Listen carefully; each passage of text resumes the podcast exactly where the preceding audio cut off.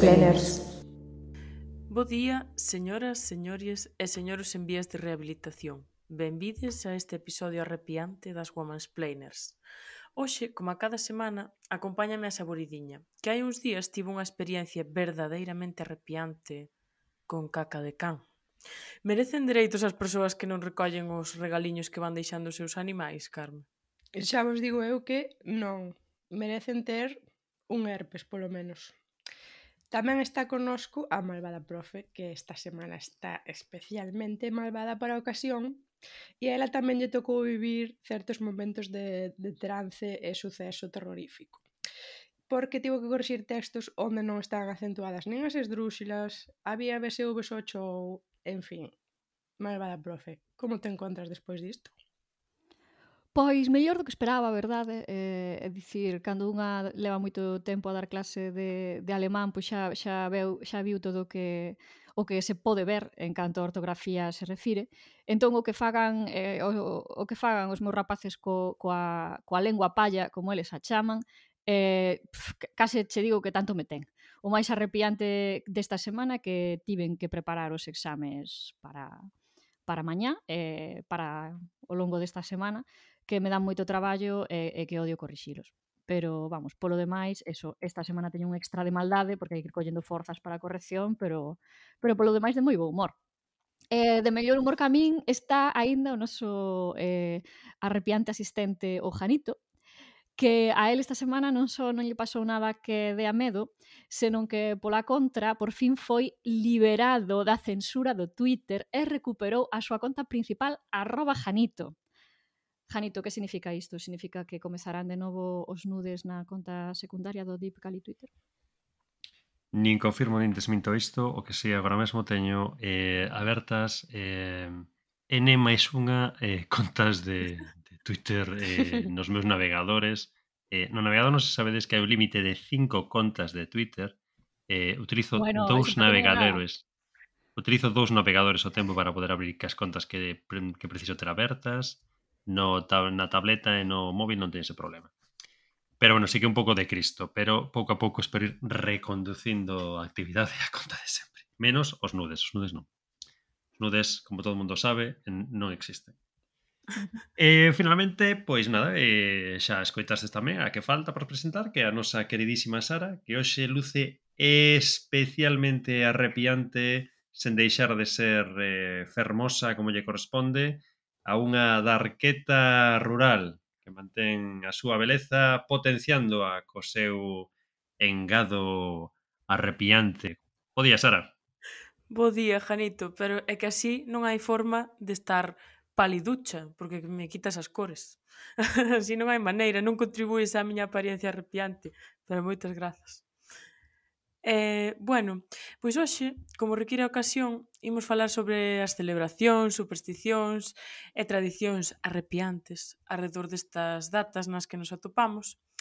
Eh, quería comezar preguntándovos que nomes lle damos eh, cada unha de nós ás tradicións do 31 de outubro e 1 de novembro. Can quere comezar? Malvada, profe. Pois eu eh, teño que dicir que como boa bellenial que son, Pois, obviamente, cando eu era nena, mm, non celebrábamos, desde logo, o Halloween, estas cousas estadounidenses. De feito, eu non teño ni sequera moita conciencia de que saísen nas series, porque eu penso que nin existían. E, e a miña a miña conciencia de do Samaín chegou xa de bastante adulta. Na zona de Vigo, a, a festa que hai eh, relacionada con isto é a festa do Cabazo, de Cabral, señores, eh, señoras e eh, señores, vayan á festa do cabazo, que é unha maravilla, pero non é para celebrar eh, nada particularmente arrepiante, ne nada relacionado cos defuntos, senón que senón que é unha festa, pois como pois, case todas as festas de Galicia, unha festa gastronómica.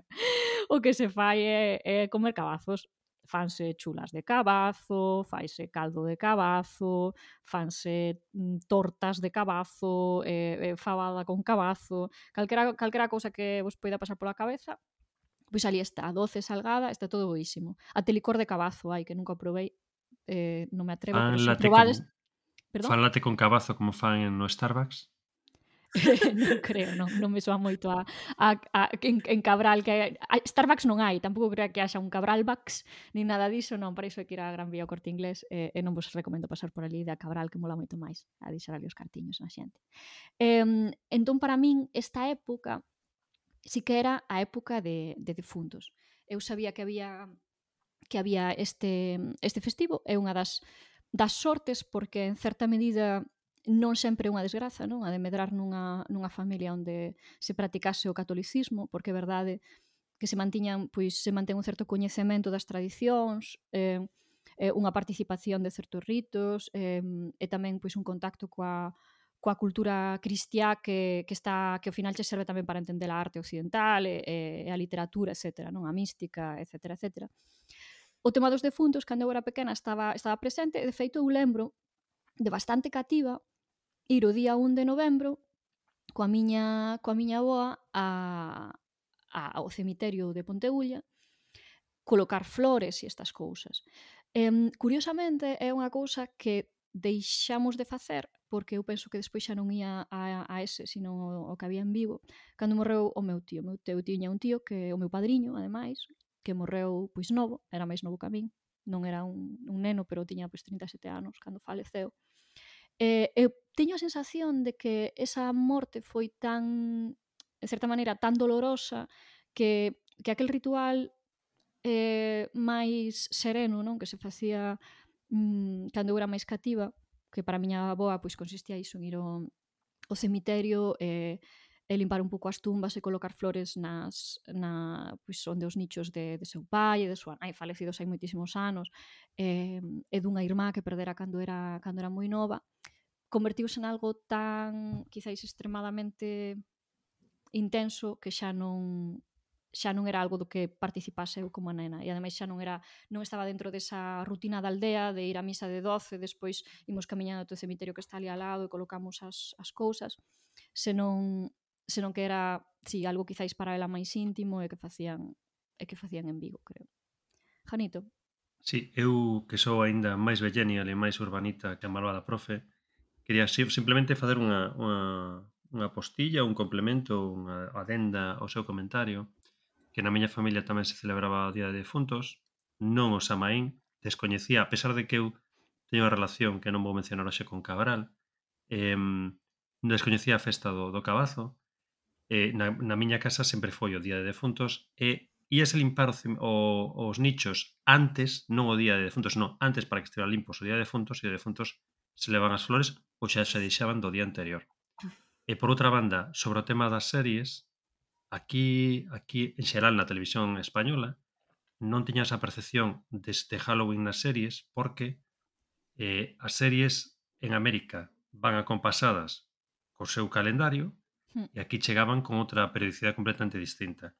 Cando sigues as series coa periodicidade americana decatas de que les celebran o día dos veteranos, pois entras ou cuatro series, o día dos defuntos, o día de Aninovo, o Nadal, que decir, el sí que van acompasando, entón, probablemente se celebra hai máis anos ou aparecerá hai máis anos na ficción do que non seramos conscientes. O, o que quería dicir é que eu non sabía, penso nin que o Halloween se chama Halloween. Para min, cando parecían ali disfrazados e tal, era o entroido deles. Claro, claro, claro. Porque máis como non había entroido, Creo que non, sí, tiño, sí, sí. non tiña eu creo que nin percepción de que existise tal cousa. Igual, e incluso aquí podría traducirse ou con Halloween ou chamar de carnaval ou algo así, quero decir, sabe Dios No, porque eles teñen o Mardi Gras, non en todos os Estados Unidos, pero no sur está o Mardi Gras que o, Mar o, o Martes Sí, pero que quero decir que despois as traduccións moitas veces eh, facían ben feito probablemente, igual que se facía aquí nos anos 80 nas traduccións da galega tan boas de, de adaptar eh, de adaptar as piadas, por exemplo, as, as traduccións dos novos e todo iso que tan celebradas porque adaptaban a nosa realidade mm. cousas que de outro xeito naquela altura non se entenderían. Probablemente hoxe estamos xa tan colonizados que calquera referencia á cultura americana nos entra como se fora nosa propia. Sí, mesmo o, o truco e trato podería eh, traducirse como non sei como dicilo, pero, que tampouco sei nin como se di ben en galego, porque eh, eu coñezo a expresión de, de Galicia, pero que lle chamaban así en español as sanjuanadas. É dicir, as, as bromas que se facían, que se lle facían os veciños, pois na noite de San Xoán, eh, aquilo de pois roubar os roubar as, as eh, os portóns das, das eh, dos, eh, das reixas das, das casas ou levarlles o burro ou estas cousas, non? Que se que facían os mozos a noite de San Xoán pois para para molar un veciño. Sara. Pois eu eh, como pertenzo a outra, a outra xeración distinta, pero eh, criei-me nun entorno rural ou semi-urbano, non sei como lle queredes chamar, pero máis ben diría eu rural, pois conviven en min como as dúas tradicións, non? eh, esta tradición religiosa católica de, como dicíades vos, ir limpar o cementerio, eh, deixar flores, prender candeas, eh, antes da celebración do Día de Defuntos. E, e pouco máis, a verdade. Despois eu sí que convivín máis con series, debuxos animados, capítulos dos Simpson e de outras moitas eh, series distintas nas que sí que vía a celebración do Halloween e tamén eh, convivín cando xa era adolescente, máis ou menos, eh, ca recuperación digamos, de, da celebración do Samaín, aínda que tampouco facíamos nada moi especial na miña casa. Se cadra, pois adornábamos unhas cabazas, e prendíamos unhas candeas, e pouco máis.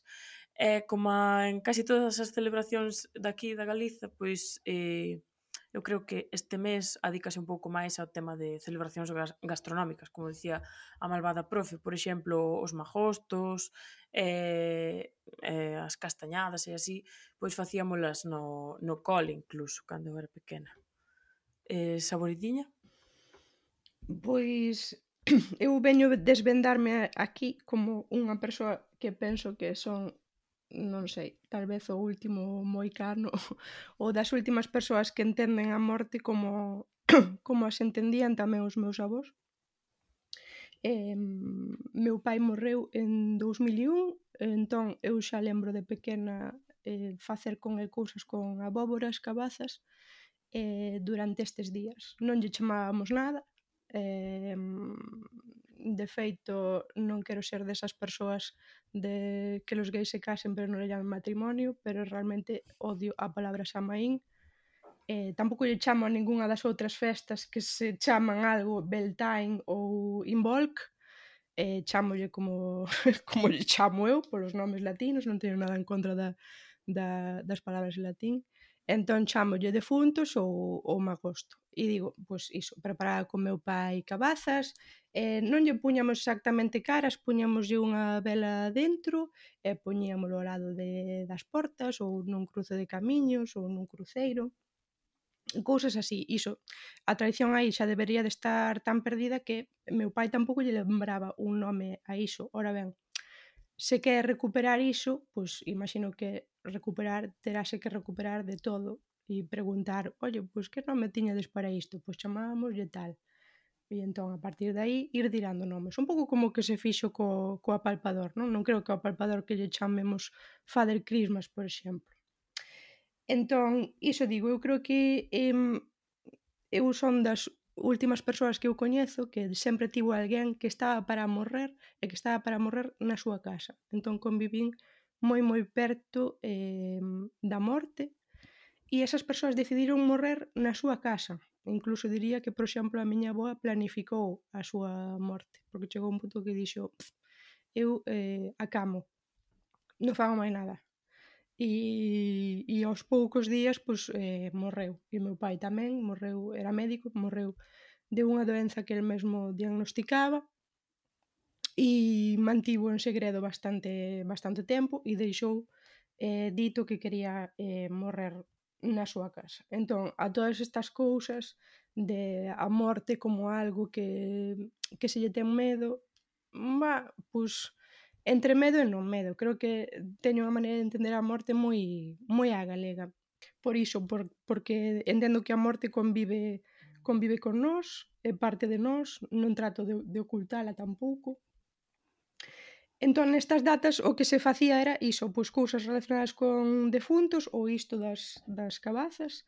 Eh, e nós non íamos nin o día antes nin nada a limpar as, as sepulturas, porque gran parte da miña familia descansa no cemiterio de Iria, entón no cemiterio de Iria está super mal visto que só fagas iso no día antes, porque o ser un BIC, un ben de interese cultural, eh, toda a xente ten un respeto máximo por como están ali as sepulturas. É moi raro que vayas a encontrar ali eh, flores mm, murchas, cousas suxas, eh, está impecable absolutamente todos os días do ano e o día de defuntos está precioso de facto, mm, algunha prima miña ou xente que veu da Argentina con nenos, os nenos entraron ali e dixeron quero voltar a este xardín, porque era unha pasada auténtica. E despois iso, despois facíamos o magosto, que eu diría que eh, pois é a parte tal vez máis eh, paga xunto con isto das, das abóboras, das, das cabazas. Eh, Malvada profe, querías dicir algo? Eh, pois realmente dicirche que eh, igual pensas que esa, esa última, pero non é a derradeira, porque eu penso que igual tiven unha experiencia, unha vivencia da, da cultura da morte moi próxima a túa, ou máis próxima a túa, que, que igual a de Janito sendo do mesmo barrio.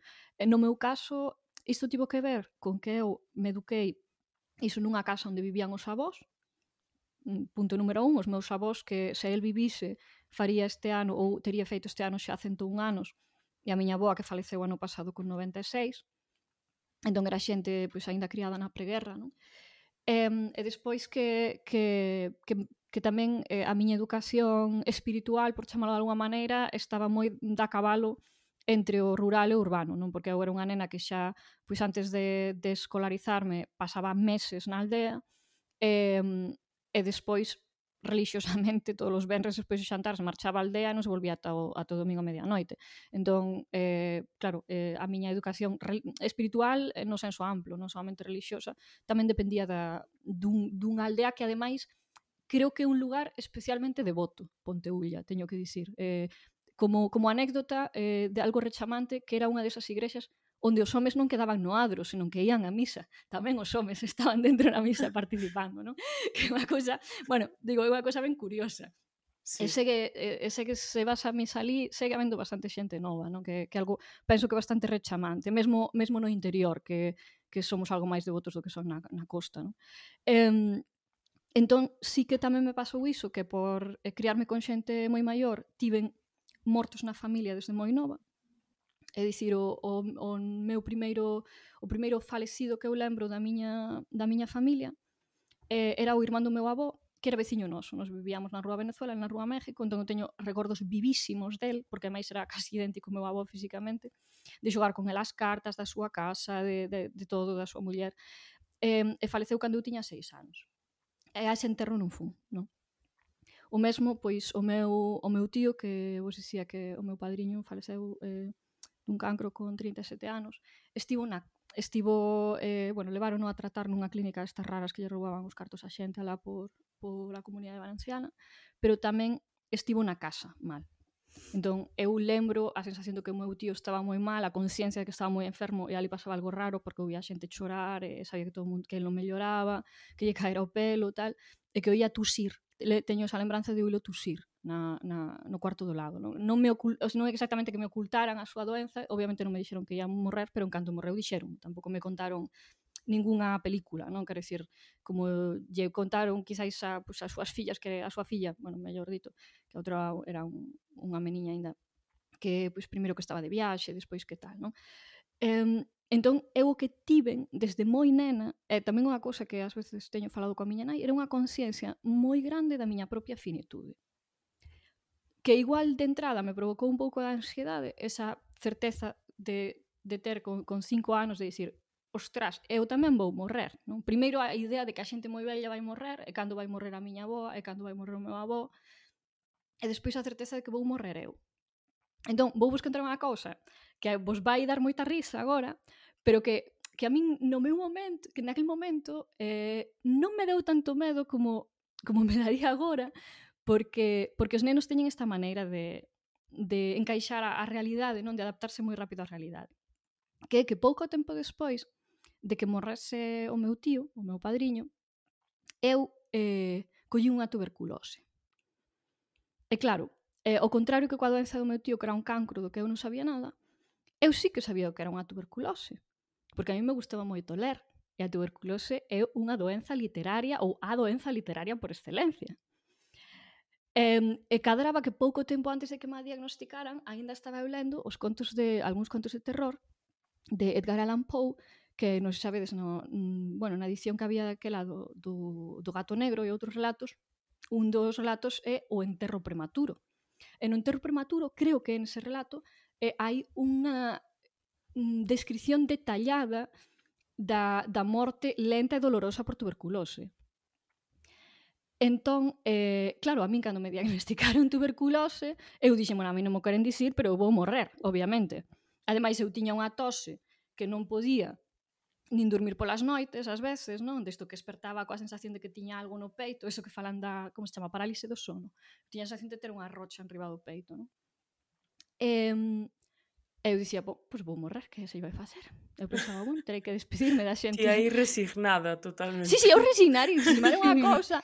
Ademais, tamén é, eh, é eh, algo positivo nese momento, como falaba da cultura cristiá, era que como a mí me, me educaran naquela, naquela cousa católica, bueno, eu para o ceo directa, por suposto, era unha nena boísima, no que nunca, nunca fixera nada terrible, no? dicía, bueno, teño que estar a ben coa xente, pero eh, obviamente vou morrer. Despois, ao cabo de 15 días que empecé o tratamento, eh, xa me decatei que estaba mellorando e que non ia morrer. Pero, eh, pero claro, oh. o... pero no momento en que cho diagnostican e ti levas a máis tres meses indo a peor, co, coa tos, mm. igual non foron tres meses, foi mes e medio ou dous meses, pero que empezas así cunha tosiña e ves que che vai a máis, eh, e, e dinche que non podes ir ao cole, porque estiven 4 meses en repouso absoluto, da cama ao sofá e do sofá para a cama, en cuarto de xebe, imagina. Pois claro, eu tiña, nese momento tomei absoluta consciencia da miña finitude. E despois, eh, eu teño unha, despois, bueno, na miña familia eh, mm, tamén, bueno, o meu eh, irmán, o meu medio irmán maior morreu moi novo nun accidente con con 21 anos, o día que facía 21 anos, de feito, eu tiña 12, e o meu pai cando eu tiña 17. Entón, sí que é verdade que teño un contacto coa morte desde moi nova, como de alguma maneira moi constante, eh, que me fixo naturalizar bastante iso. E non só non o percibín como algo malo, senón que ademais me dá mágoa cando vexo outros membros máis novos da miña familia que non tiveron ese contacto e que, e que teñen mm, algunhas feridas abertas, penso nas miñas curmás, por exemplo, por parte paterna e tal, e que se queixan diso, de que non lles falasen, por exemplo, con claridade do, do cancro do noso tío que faleceu eh, hai, bueno, hai xa máis dun lustro, non? Que non, que non, que non as fixesen realmente partícipes, que non a deixasen estar presentes en certos momentos, non? Porque porque senten que, lle, que lles roubaron algo e elas eran nenas que igual xa tiñan 16 anos, que non eran cativas, quero dicir, que que sei que as persoas que están escoitando isto que teñen fillos e fillas van pensar que, que, que, agoir, que agoireiras son e eh, porque lles van falar de, da morte aos nenos, pero que ás veces eh, é, é mellor mm, facelo antes e naturalizalo de alguna maneira e non ocultar demasiado, por suposto suavizar e adaptar as cousas, non? Para, para esas crianzas, pero que a perda vai a perda van sufrir igual. É dicir, da perda non te libras, da morte non te libras. Entón, eh, como nunca sabes cando vai chegar, eh, quizáis eh, é mellor non, non afastar xa non a morte, sino mesmo a doenza. Pensade todos os cativos que non visitaban os seus, os seus avós cando están xa moi, moi doentes, que non os deixan ir velos, non? Porque din, ai, vais asustar porque está intubado, vais asustar porque está na cama, vais asustar porque está con, con Alzheimer, ou que sei eu, non? Pois levade, levade os vosos nenos a residencias a ver, a ver os seus avós, porque, quero dicir, unha parte da vida como calquera outra. Perdoa, Sagorido falabas dese contacto e de que tal vez eu non fose a derradeira, eu recalco que non só é que eu tivese contacto, é que eu tive en contacto folclórico con todo este tema, porque mm, claro, meu pai era de Rianxo, vou corrixir, vou corrixir, meu pai era de Taragoña, que sabedes que que se bueno, cuidado, eh? entre os entre os de Rianxos de Taragoña, entón por temas da Guerra Civil que un día explicarei por máis extenso, a miña avoa decidiu que estaría moitísimo máis protexido se estivese ao amparo do seu irmán cura en Padrón. Entón, o meu pai foi criado, digamos, por seu tío o cura. E así que a miña avoa se xubilou, a miña avoa ia de cando en cando tomar conta de seu fillo, obviamente, pero así que a, a, a miña avoa se xubilou, Eh, e pasou a vivir con meus pais e a miña irmán, que eu ainda non, non nacera cando foi ese proceso, despois así, em, na mesma casa. Non? Entón, em, a religiosidade que hai na miña familia pois é tamén moi grande porque, claro, eu tiña un tío avó eh, cura, obviamente. Eh, entón, a miña avoa quería todos os días inculcarme o hábito de, de rezar á noite antes de, de meditar pero parecíame unha cousa absolutamente tediosa e mm, entón a miña aboa o que decidiu é facer unha cousa máis ou menos como o que fan as vacinas, é meterte o mal dentro para a partir de aí intentar que te protexas.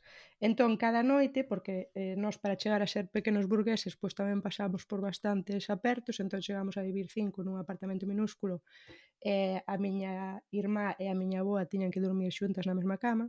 Entón, non sei por que algunha vez tamén eu dormín na cama da miña aboa, imagino que sería para meus pais ter máis intimidade e vida, e vida matrimonial. entón, eh, claro, pois insistía nisto de que tiña que rezar e como non había maneira, comezou a contarme historias do, do demo, porque me dixo que se lle aparecera o demo, en forma de manta, como con pelos, que se puña encima da túa cama. Entón non había maneira de escapar diso, porque a cama é o elemento onde ti te sentes eh, seguro. E nas películas sempre aparece eh, alguén como que se tapa así moito cos lenzois e cos cobertores, e a partir de aí está ainda máis seguro. Imaginade que a cama non é o teu elemento de seguridade e ademais o cobertor é o demo é dicir, non había outra maneira de non rezar, tiñas que rezar. Eh, la... Non sería manta zamorana esa que diste Claro, eu, eu despois dixen, jova, pois pues a tía esta que como sabía que tiñamos unha manta zamorana e era que usábamos, eu, claro, o tacto que tiña aquelo era pois, pues, de, ser, de ser eh, con pelos e dixen, pois pues, seguro que aproveitou este elemento de atrecho para eh, facer da súa historia unha historia máis sublime, obviamente. Entón, ela, va, pois fixo ali un esconxuro, non? Contoume como se librara do demo, dixolle, marcha, marcha, Satanás, e comezou a rezar e a partir de aí nunca máis. Pero esa non é a historia que máis me impactou. A historia que máis me impactou foi que a súa irmá Filomena tamén viviu con meus pais e foi, digamos, como a nai real de meu pai, non? Entón era o cura e a miña tía Filomena as que se fixeron cargo de meu pai porque a miña tía era a tía solteira. E morreu na casa de meus pais, obviamente. Entón, mm, contoume que se lle apareceu a súa irmá. Entón estaba ali eu, mm, pero mortísima de medo. Dixen, pero, pero como se apareceu a tua irmá? Se a tua irmá morreu? Dixenme, pois xa ves, volveu porque tiña que dicir unha cousa. E, bah, a típica cousa de que eran asuntos pendentes e todo iso. Total, que era, pois, que lle ofreces unha novena, va, era unha historia bastante previsible, non? Pero a miña reacción foi, e non te veches medo? Entón, ela dixome, pero como había de ter medo? É dicir, medio se riu de min por facer esa pregunta. Dixo, como había de ter medo ser a miña irmán? Se eu coñezo a miña irmán. É dicir, non tiña idea de que aquel eh, ser espectral pudese chegar a crear medo, non? Entón, eh, nin, nin nos daban medo os mortos de corpo presente, nin tampouco nos daban medo os, os, os aparecidos, porque había esta, bueno, pues había esta historia de que eles convivían con nos, con unha, unha cousa un pouco parecida a de Día de Mortos da, do México, pero todo ano, imagino. E meu pai tamén, sendo máis novo, que, que as súas tías, obviamente, pois tamén me contou, non? Eh, pois por unha cousa que non vou narrar, pero xa estades imaginando, porque meu pai tivo que ir vivir á casa dun tío cura eh, por protección da guerra civil, pois por iso. Eh, eh, eh, o meu avó Santiago morreu na guerra civil, entón eh, el foi capaz de anticipar que seu pai morría porque en soños tamén dixo que se lle aparecera unha voz e unha luz debaixo da porta da, eh, do cuarto onde dicía Santiago, Santiago. E entón levantouse e comunicaronlle que efectivamente seu pai mm, fora morto de morte mor... matada, non morto de morte morrida. Entón, eu sempre convivín de, con estas con estas historias. E meu pai, pese a ser un home de ciencia porque era médico, digamos que gostaba de transmitir este certo folclorismo, evidentemente mm, creo que sí que teña unha, unha serie de pensamento máxico que lle gustaba inculcar, non? Non, non é que nos fixese isto para que crésemos nisto, pero porque creo que para ele era un elemento de cohesión dunha comunidade, porque así toda a comunidade entendía mellor un feito que era a morte. As Womansplainers, un podcast da revista Luces, explicando cousas desde 2021. Pois a colación do que do que di Carme, eu teño unha vivencia mmm, que particularmente considero que non é habitual, porque meus pais son do rural, teñen xa unha certa idade, teñen os seus están nos seus 60, ambos os dous. Eh, Non sei, eu creo que aquí sí que hai certa tradición de supersticións, mitos, eh, que meus pais non me transmitiron, nin a mí, nin a miña irmá. Eh, sí que nos transmitiron certas crenzas católicas, aínda que tampouco demasiado, tampouco eran dos de misa si ou si todos os domingos, nin, nin rezar demasiado, nin, nin visitar moito o cemiterio, nin nada, non? Pero a min resultame curioso porque, bueno, cando de pequena lles preguntaba o típico aos meus pais ou vía pelis de medo e, e tiña medo e lles preguntaba se existían os fantasmas, os espíritos, a santa compaña, todas estas cousas terroríficas. Meus pais sempre me dicían que non, que estivese tranquila, que non tiña nada do que ter medo. E tampouco foron nunca eh, supersticiosos, nin creron en, en supersticións. Ainda que viven como algo, digamos, externo, como, como se o visen dende fora, o típico, a tra as tradicións de San Xoán, por exemplo, pois eh, é como algo que se fai como, como hábito, o de recoller as flores e poñelas en auga e ao día seguinte lavar a cara, pois pode ser un exemplo.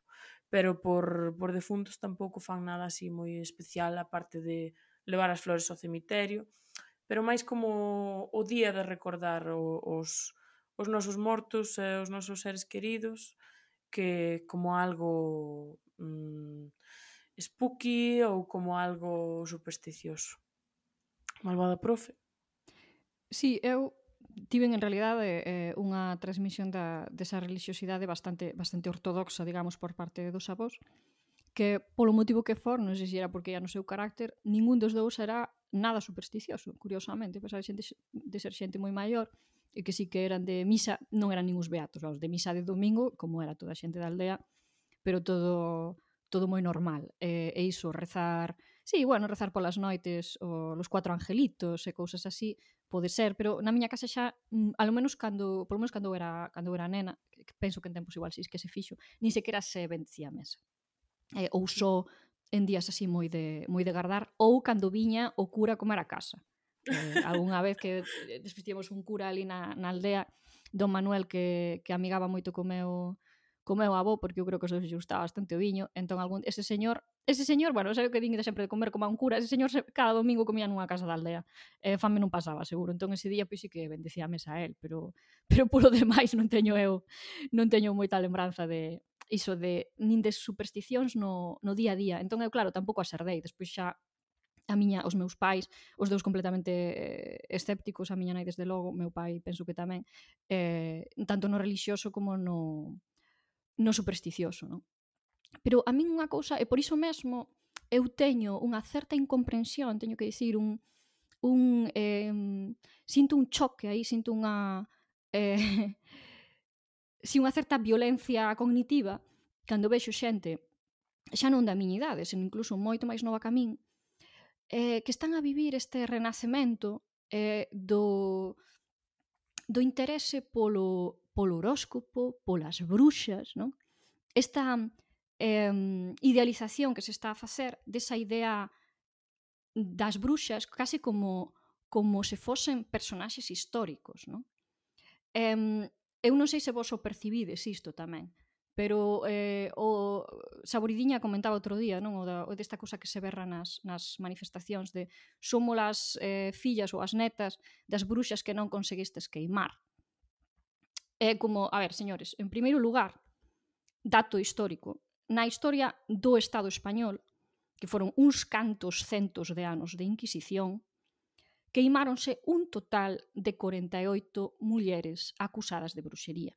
É dicir, Isto non é Suiza, isto non é os Estados Unidos, aquí non é que se queimaran moitas bruxas.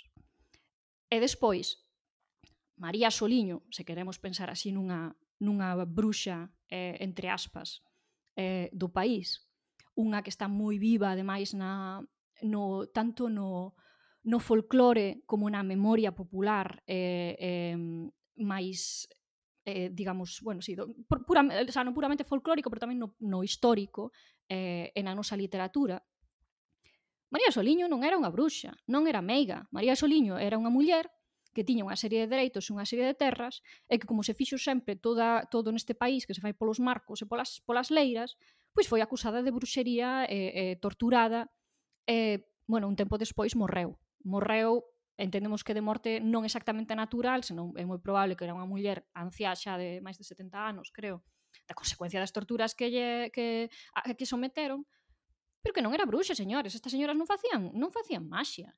Eran mulleres que eran acusadas de bruxería por envexas, por intereses económicos, por eh, eh, eh problemas eh, familiares, eh, loitas coa igrexa, etc. Pero non vos fagades desa idea de que había eh, unhas señoras que vos imaginades depositarias mm, dun coñecemento eh, segredo e máxico a marxe Mm, doutro coñecemento científico racional patriarcal eh, que era unha especie de resistencia eh, ou algo así.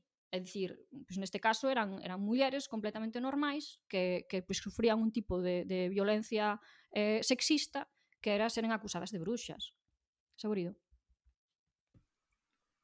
Pois mira, case todo o que eu opino xo dixeches ti, eu meto todo iso de de somos as netas das bruxas que non conseguistes queimar quero ser respeitosa con isto, eh? mas meto todo isto nunha, nun perfil de xente que está moito no horóscopo, en belly dance, en biodanza, en descubre a túa deusa interior a través da menstruación, uns misticismos que, que para min eh, non son, eh, como unha volta ao, ao neopaganismo, que eu son unha persoa, xa digo, de pensamento científico, non creo que malinterpretedes o que me contaba meu pai eh, como se meu pai realmente acreditase naquilo, e, meu pai era médico, evidentemente tiña un pensamento eh, de causa e efeito, mas iso eh, contábamos porque mm, penso que para el era un factor de, de cohesión, E despois, eh, creo que algo moi importante que acabas de tirar dese fío, María, que dixeches que as bruxas tampouco eran persoas que estivesen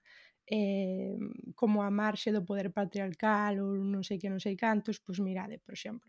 Unha das preguntas que tiñamos para tocar é se se coñecíades alguén que practicase algún tipo de eh, bruxaría ou saber gremial ou saber afastado de outras persoas, non? Por exemplo, era esta unha das preguntas se non me engano. Eh, na miña familia, xa digo, veño dunha estirpe onde meu pai era médico, a miña irmã é médica, e hai outra serie de xente que se apelida Saborido que tamén son persoas que se dedican a, a curar. Entón, unha vez nunha das comidas, eh, que fomos comer ao Araño, que é outra aldea de, de Rianxo, porque as nosas raíces están aí, entón vamos pa aí. E dixo a miña tía Rosa, non? Pois dixo, ah, pois, eh, falando da miña irmán, dixo, pois, claro, xa todo isto da tua irmán non penses que lle ven de teu pai, que teu pai era médico, é dicir, xa teu pai tamén lle ven por outro lado, porque, entón comentou, non? Que a nosa bisaboa, que se chamaba Segunda, eh, pois a nosa bisaboa, pois tiña, eh, pois unha serie de coñecementos non sobre sobre plantas, sobre como tratar do gado, sobre como tratar a menstruación, asistía a partos, así como asistía a partos, evidentemente tamén practicaba abortos. E era unha persoa moi moi querida na, na aldea en Taragoña. Entón era un referente de, pois tiñas un problema, ías a, xunto á miña bisaboa segunda, dicía, pois estou con diarrea, pois ela dicíache, pois tomas esta erva, faz así, e faz andando. E entón, que dicir con isto? Que non era algo que ela fixese a marxe de, de poderes establecidos, como pode ser a Igrexa, porque sempre contaba a miña tía Rosa como eh, no forno comunal de Dragoña había unha praga de non sei que bichos. Imaginade que eran formigas. Eh, entón, era imposible cocer, era un problema para, para moitos veciños. Entón, foronlle dicir a miña tía, eh, perdón, a miña bisavoa segunda, que que se podía facer. Entón a miña bisaboa foi ao forno co cura. É dicir, estaban os dous no mesmo rango de coñecemento ou de respeito e en connivencia e trataron este problema. A miña bisaboa con ervas ou co que fose e a vez eh, dixo o cura pois teremos que rezar algo para que estas formigas vayan a outro lado facer que esta peste vai a outro lado. E preguntoulle os veciños, onde credes que vayan as formigas? A Monte Piñal ou a non sei que outra dirección? Entón ele e o cura rezaron non sei que, despois deste tratamento que fixo a miña bisaboa con plantas, e as formigas, polo visto, foron todas en Carricán ao Carreiro cara a Monte Piñal, que foi onde lle dixeron os veciños que era que estaban ben as formigas e non ali. Pero isto que dicir, non, é que a igrexa perseguiu estas moi... Mentira, porque senón... Eh, é dicir, o cura sabía perfectamente que a miña bisaboa facía estas prácticas e ali estaban os dous. Eh, foi un remedio que puxeron os dous. Entón, eu creo que moito desto tamén é herdado da visión que nós temos das, das bruxas de Salem e non é unha visión propia nosa.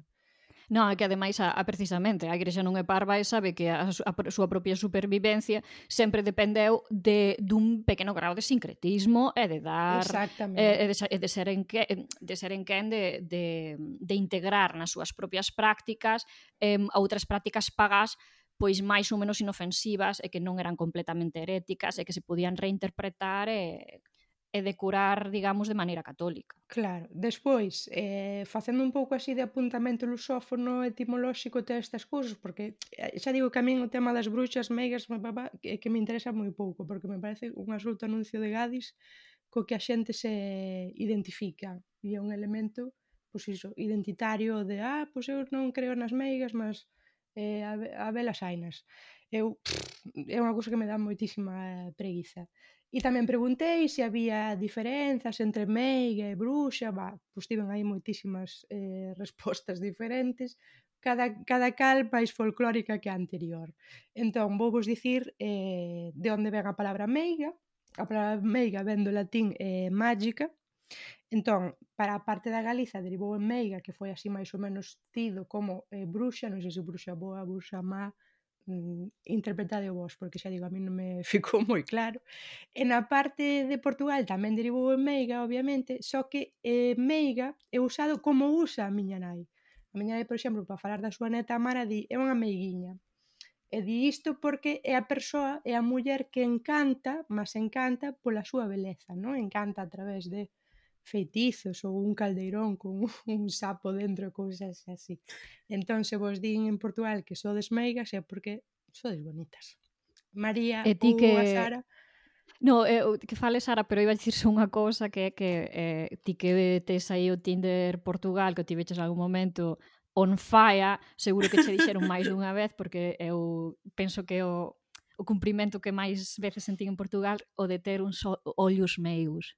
Claro, tú sabes que claro hai, que hai, hai... Ollos feiticeiros, ollos sí, bonitos. hai unha, hai unha canción popular, incluso así, con ese, con ese título. É importante iso. Podgalego. Podgalego.agora.gal Oh, ah, eu sabía que era punto. A ver, veña, dicímolo outra vez. Podgalego. Podgalego. Podgalego. Podgalego. Podgalego. Podgalego.agora.gal No, outra vez, outra vez, outra vez que non está, non está grabando agora. Moita xente facendo cousas moi interesantes que está comunicando en galego.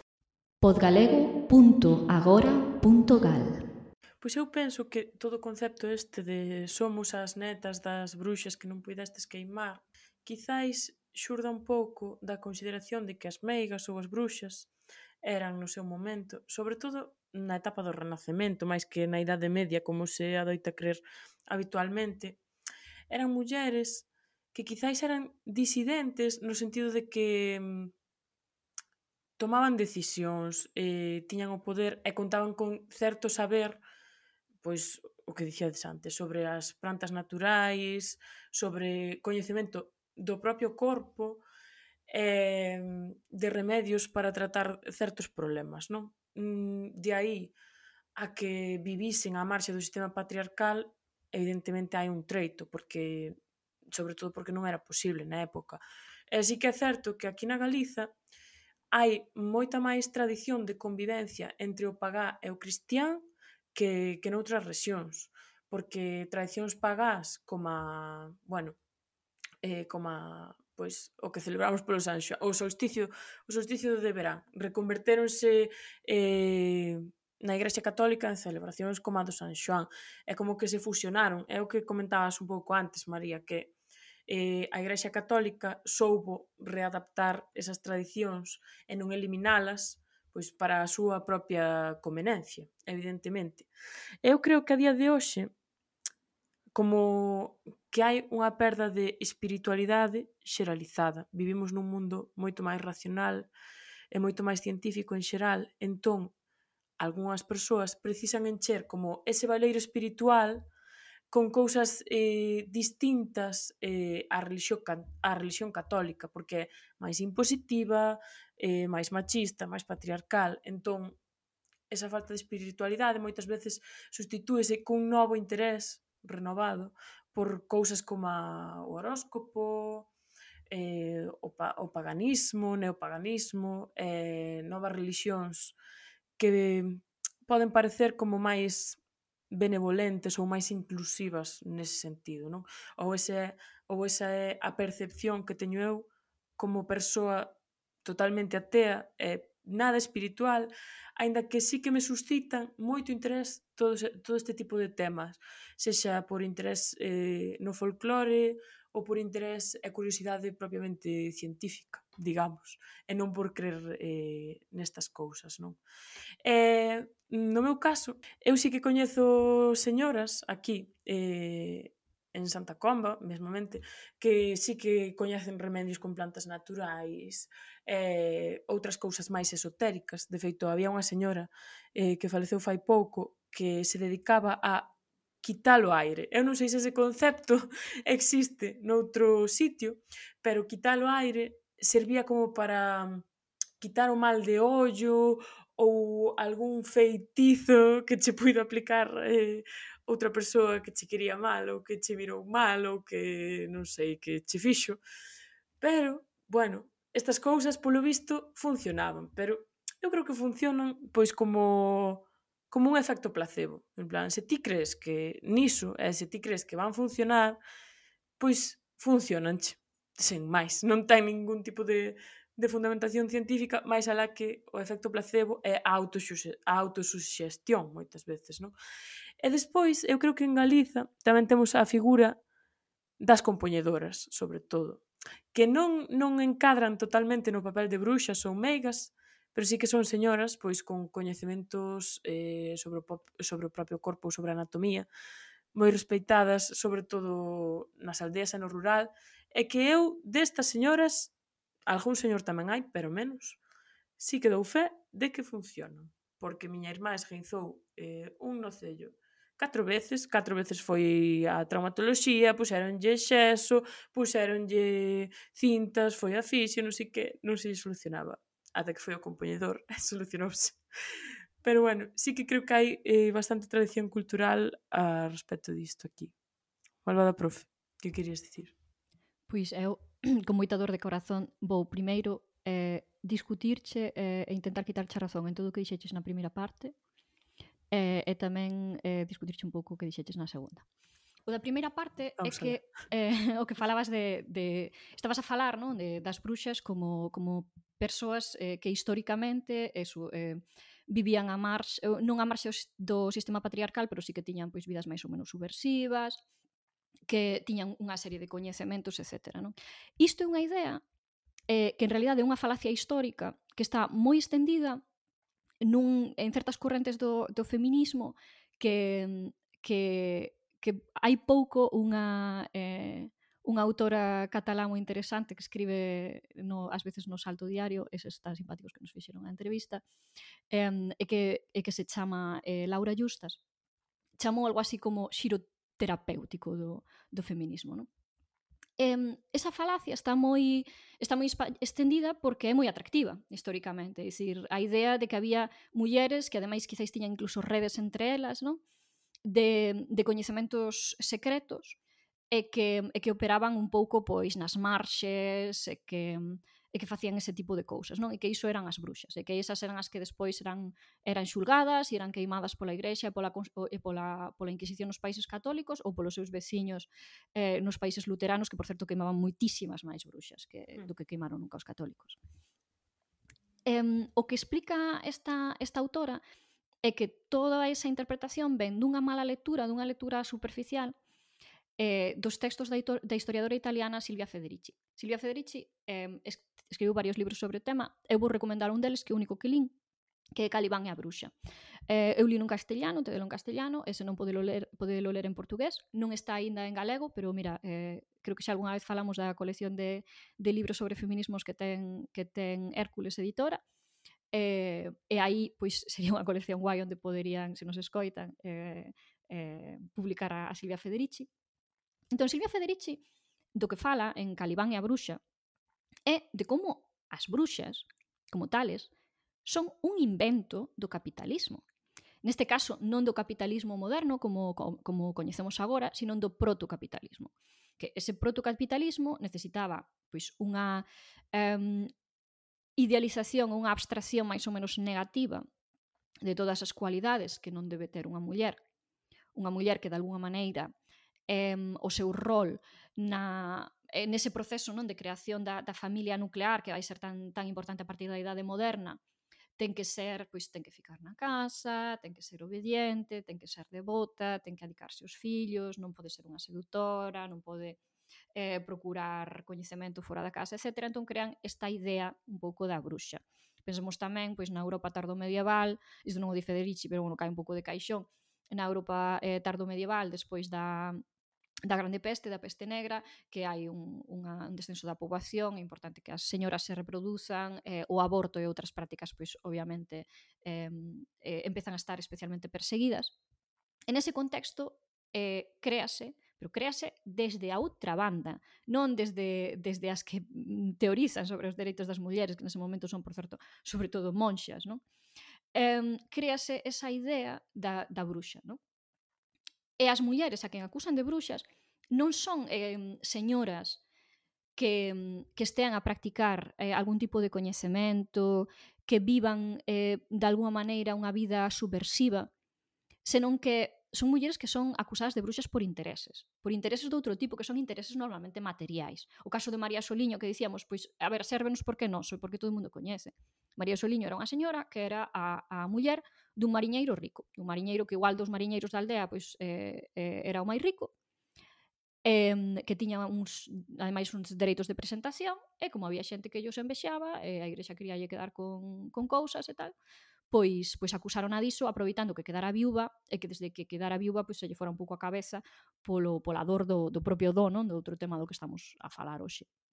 Eh, e se ledes, eh, a min regalaronme as amigas eh, o ano pasado un libro, agora non lembro o, o título exacto, despois busco e poño poño nun, nun chío, eh, en que eh, unha historiadora norteamericana fixo tamén unha transcripción de moitos eh, de confesións, por exemplo, de bruxería nestes xuizos que houbo um, o, o longo eh, e, eh, e largo dos Estados Unidos mm, ao comezos da Idade Moderna, non? Non, ao comezos da Idade Moderna, non, na Idade Moderna, ao comezos da Idade Moderna deles, que empezou máis tarde. E, e aí o que ves son casos bueno, ademais do que do que podía acontecer en países católicos co tema da tortura da, da, da Inquisición, ali o que hai son casos moitas veces de histeria colectiva. É dicir, de pois, adolescentes que entre todas eh, deciden que, que ven o demo, non cousas polo estilo. E que, que isto se convirte nunha especie pois, de exorcismo comunitario, mm, dun como como se exorcizaron ou se perseguiron outras cousas como por exemplo pois os xudeus cando había eh, pragas ou pestes en en comunidades máis pequenas europeas, pero neste caso, que son non haber eh, grupos religiosos diferentes, pois culpábase, eh, como se culpa hoxendía, por exemplo, pola COVID, a mocidade, a mocidade que fai cousas raras, que quedan en sitios raros eh, e que andan facendo. Pois nestes casos, agora fan botellón, pois daquela, ai, pois seguro que están invocando o demo. Non? É dicir, é unha creación sempre desde, desde a opresión e desde o, eh, desde o lado da, da administración da xustiza eh, secular ou religiosa. E despois a outra cousa da que falas ti, que é verdade, que eu entendo que, que, haxa, que hai, hai sempre unha necesidade da, de espiritualidade, unha necesidade de trascendencia na imensa maioría da humanidade. Eu entendo que os que somos ateos e escépticos igual somos un 5% ou quizáis un 2% da humanidade, é dicir que o normal sendo humano é ser un ser espiritual e querer trascender. Pero é que tivemos que coller as cousas máis parvas de todas as que había. Porque, por favor, o do horóscopo É dicir, eu sinto moitísimo, pero a ver, temos un, a, o da teoloxía católica é unha cousa que está é dicir, estéticamente incluso moi atractiva. Mira a arte religiosa, mira as igrexas que teños, que temos, mira os capiteis, mira o pórtico da gloria. Home, a min parece unha cousa feita con un poquinho máis de vontade iso, con unha estética máis coidada, é dicir, eu se teño que creer nalgúna patraña, pois para eso xa decir, se me dis... Dame misa en latín. Claro, se me misa dis, queres, queres querer na homeopatía ou queres rezar un noso pai? Eu vou rezar un noso pai, porque... A ver, eu, son cousas eu que, que sei, estiveron... Parecen unhas palabras bonitísimas, está todo ben feito e... Bu, non, non, eu, eu a favor de se hai que crear nunha patraña nas petrañas que xa están, nas que xa existen. É que a Biblia é un libro que está xa moi editado, moi mellorado, moi traducido. E iso non, non se pode mellorar moito máis. E a arte religiosa, home, a ver, os últimos 100 anos foron foron anos de kitsch xa, pero antes de ou 200, se me apuras.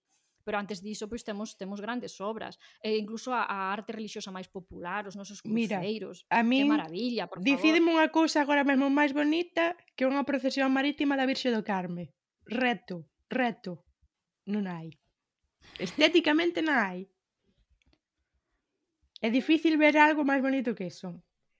Pois si, sí, eu a verdade estive en algunha indo no barco ali na, na Illa da Arousa, é unha maravilla. Sí. Pero despois, o do horóscopo é dicir que dis, meu Deus bendito, quero dicir xa, inventa algo, pero que non sexa que son esas estreliñas, esas constelacións en concreto, porque é esa, senón os países, e non os, os planetas do sistema solar os que rexen a túa vida. E o que me preocupa xa non é que haxe xente que, que crea vagamente niso, ou desde un punto de vista estético, que o estético é horroroso, porque, meu Deus bendito, andar tatuando ou levando colgadiños aquí os símbolos dos, eh, eh, do horóscopo, que son símbolos da, da alquimia medieval, bastante trapalleiros, que hai cousas bastante mellores que coller. O problema é cando comezas a facer que iso substitúa un pensamento racional para analizar a realidade. Agora púxose moi de moda iso de decidir que as túas relacións son boas ou malas ou son, como xa se di agora moi eh, de maneira moi moi mainstream e moi xeral, que son tóxicas E resulta que a túa relación, María José, que a túa relación con José Luis é tóxica porque ti es cáncer con ascendente Leo e el naceu en lúa chea baixo a, a, a, o signo de Alfa Centauri é un saxitario que é un típico saxitario. A ver, filliña, non, a María José, a túa, a túa relación con José Luis é tóxica, é porque coñeciches un día no Maicar ás 5 da mañá e deixamos que marchases con el para casa e non habíamos de deixarte porque parece mentira que se que non se poida conducir un coche estando como estabas, pero se poida ir cun home para casa nestas circunstancias. Se o coñeceses no ali... Tinder, María José, xa lle dabas máis voltas e peneirabas máis. Sí, sí, e meteuse che na casa, despois non o deches sacado. Por iso que tes unha relación tóxica con el, non é porque se xa saxitario. Non sei. Eh, Janito, perdón, é saxitario. Non, ti es piscis, é verdade. Eu eh, quería decir dúas cousas. Unha, unha que xa me pasou casi o momento de dicila e outra que veño aquí, aproveito o momento, non sei o signo zodiacal dos meus fillos. Isto de decir que as relacións son boas ou malas en función da, das relacións entre os horóscopos levábase moito cando eu era adolescente. Entón, todo o malo volta.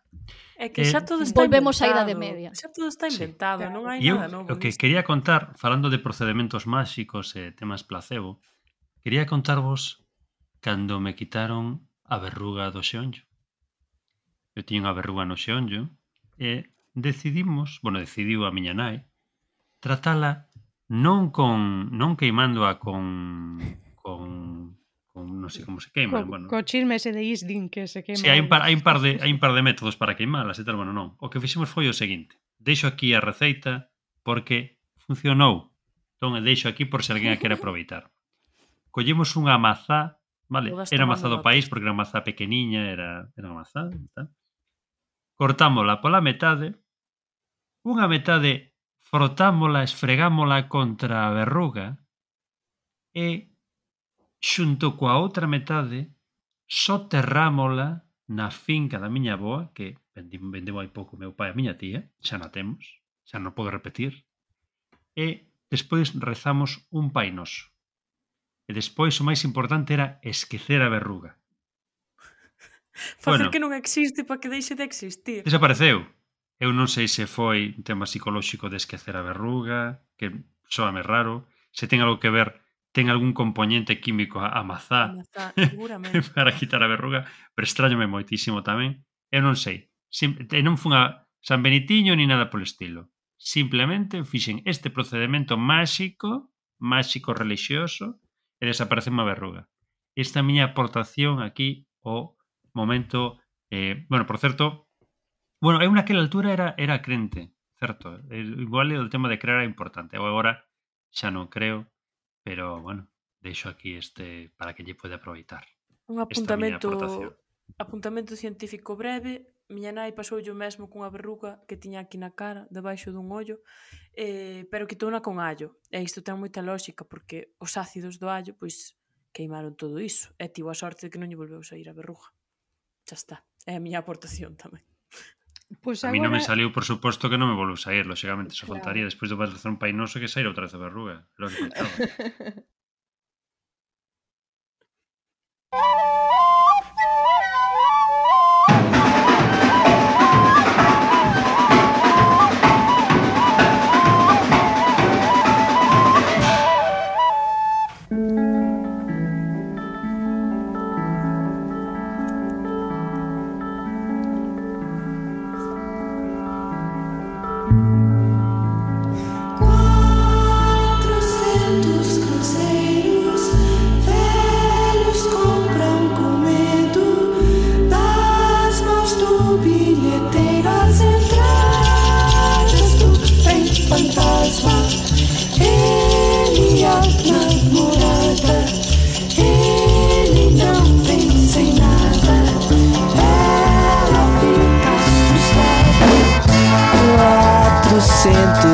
parceiros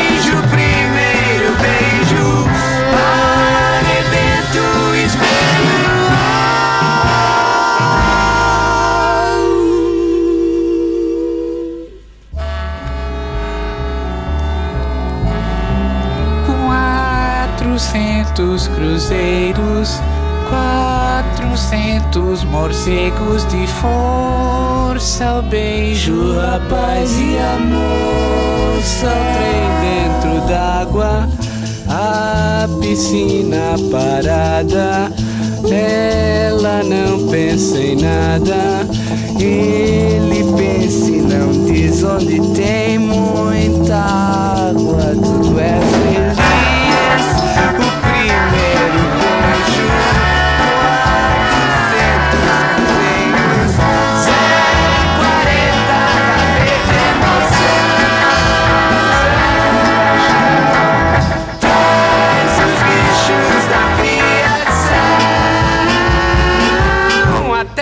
portão e terminou a sessão. Quatrocentos cruzeiros velhos com